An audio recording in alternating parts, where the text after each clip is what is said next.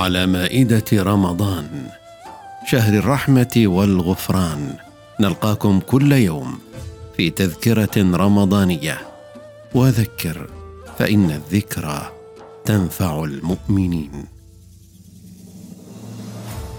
عن أبي هريرة رضي الله عنه قال قال رسول الله صلى الله عليه وسلم الصلوات الخمس والجمعة إلى الجمعة ورمضان إلى رمضان مكفرات لما بينهن إذا اجتنبت الكبائر. هكذا هي رحمة الله. وتلك هي عنايته. وهكذا هو حب الله لعباده. أمام كل ذنب يفتح الله بابا للتوبة. وعند كل غفلة تأتي رحمة الله بالتذكرة.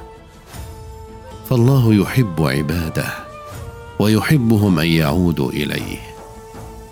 ومهما ابتعدت بهم الذنوب عن طريق السعادة إلى الشقاء تدركهم رحمة الله.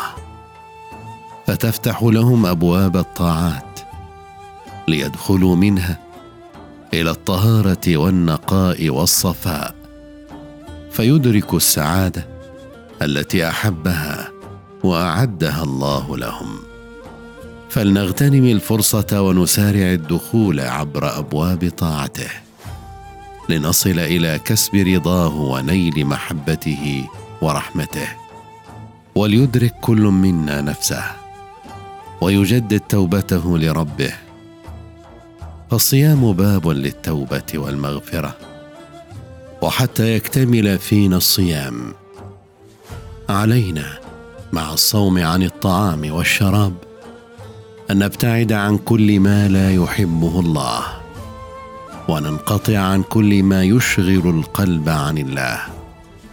وبذا يكون صيامنا صيام الروح والجسد فنرقى في مدارج السالكين إلى الله. إلهنا وإله آبائنا وأمهاتنا.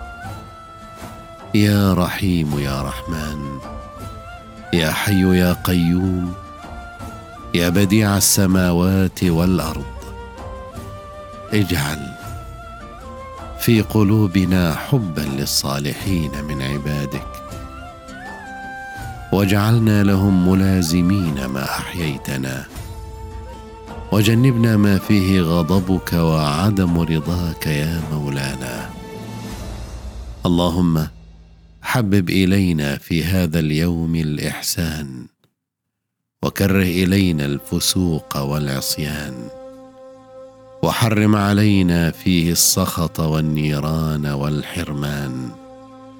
بعونك يا معين يا الله يا غياث المستغيثين. وآخر دعوانا أن الحمد لله رب العالمين.